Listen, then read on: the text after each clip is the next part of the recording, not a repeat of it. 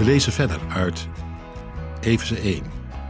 Ik zei zojuist, het is een lied wat hier wordt gezongen. En je zou het op kunnen delen in verschillende strofen. Ik zing nu de tweede strofe voor, samen met Paulus. Vanaf vers 7. In hem zijn wij door zijn bloed verlost en zijn onze zonden vergeven dankzij de rijke genade die God ons in overvloed heeft geschonken. Hij heeft ons in al zijn wijsheid en inzicht dit geheim onthuld. Zijn besluit om alles in de hemel en op de aarde onder één hoofd, Christus, bijeen te brengen, omdat het hem behaagde de voltooiing van de tijd te verwezenlijken met Christus. We horen het. Niet alleen heel persoonlijk worden we betrokken bij de genade van God, en dat is al heel bijzonder. Liefde die mij wist te vinden, om in mij weer gaande te maken wat God op zijn hart heeft. Dat ik leef in zijn liefde en zijn liefde uitleef naar hem en naar de mensen om me heen. Een nieuwe schepping, kort gezegd, maar dat dat een brede bereik heeft. Niet alleen dat ik verlost ben en mijn zonden zijn vergeven door het bloed van Christus. Prachtig. Het mooiste wat je kan overkomen, maar het heeft een brede bereik. Het heeft een wereldwijd bereik. Rijke genade van God. Waarin Hij erop uit is dat heel de wereld zal gaan delen in dat heil. Dat is de toekomst. Dat er niet alleen maar een paar gelovigen zijn die er heil in zien, maar dat dat van God zich zo zal doorzetten dat, ja, dat uiteindelijk de toekomst zal wezen.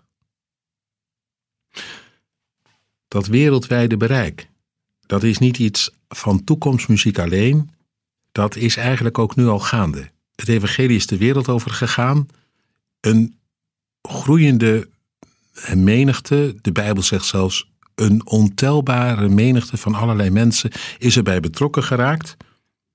En God is al lang, om het zo maar te zeggen, internationaal gegaan. Ik las daar een prachtig verhaaltje van. Een, een Britse evangelist, John, zat in het vliegtuig en uh, hij kreeg een, een gesprek met uh, een passagier die, uh, die naast hem zat. Zij vroeg hem: Wat doe je voor werk? En hij antwoordde het volgende: Ik werk voor een wereldwijde onderneming.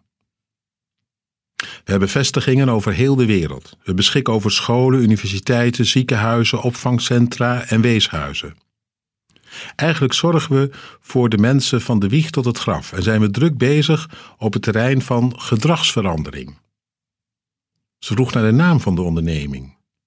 En hij antwoordde: De kerk. Ja, dit is de kerk intussen. Een wereldwijde onderneming. Als een voorbode op dat wat er aan zit te komen. Dat van God in Jezus is niet alleen maar beperkt tot jouw hart en ziel, tot jouw bestaan, daar begint het, maar het kreeg intussen wereldwijd bereik met alle zegen van dien, als een belofte van wat er aan zit te komen. Dat God in Christus op een dag het kwaad voorbij komt, het eronder krijgt en dat van Hem zich krachtiger royaler, rijker doorzet dan ooit. Je kunt er echt naar uitkijken en intussen mag je je vandaag op allerlei plekken, plaatsen en manieren eraan geven. Aan die zaak van Hem.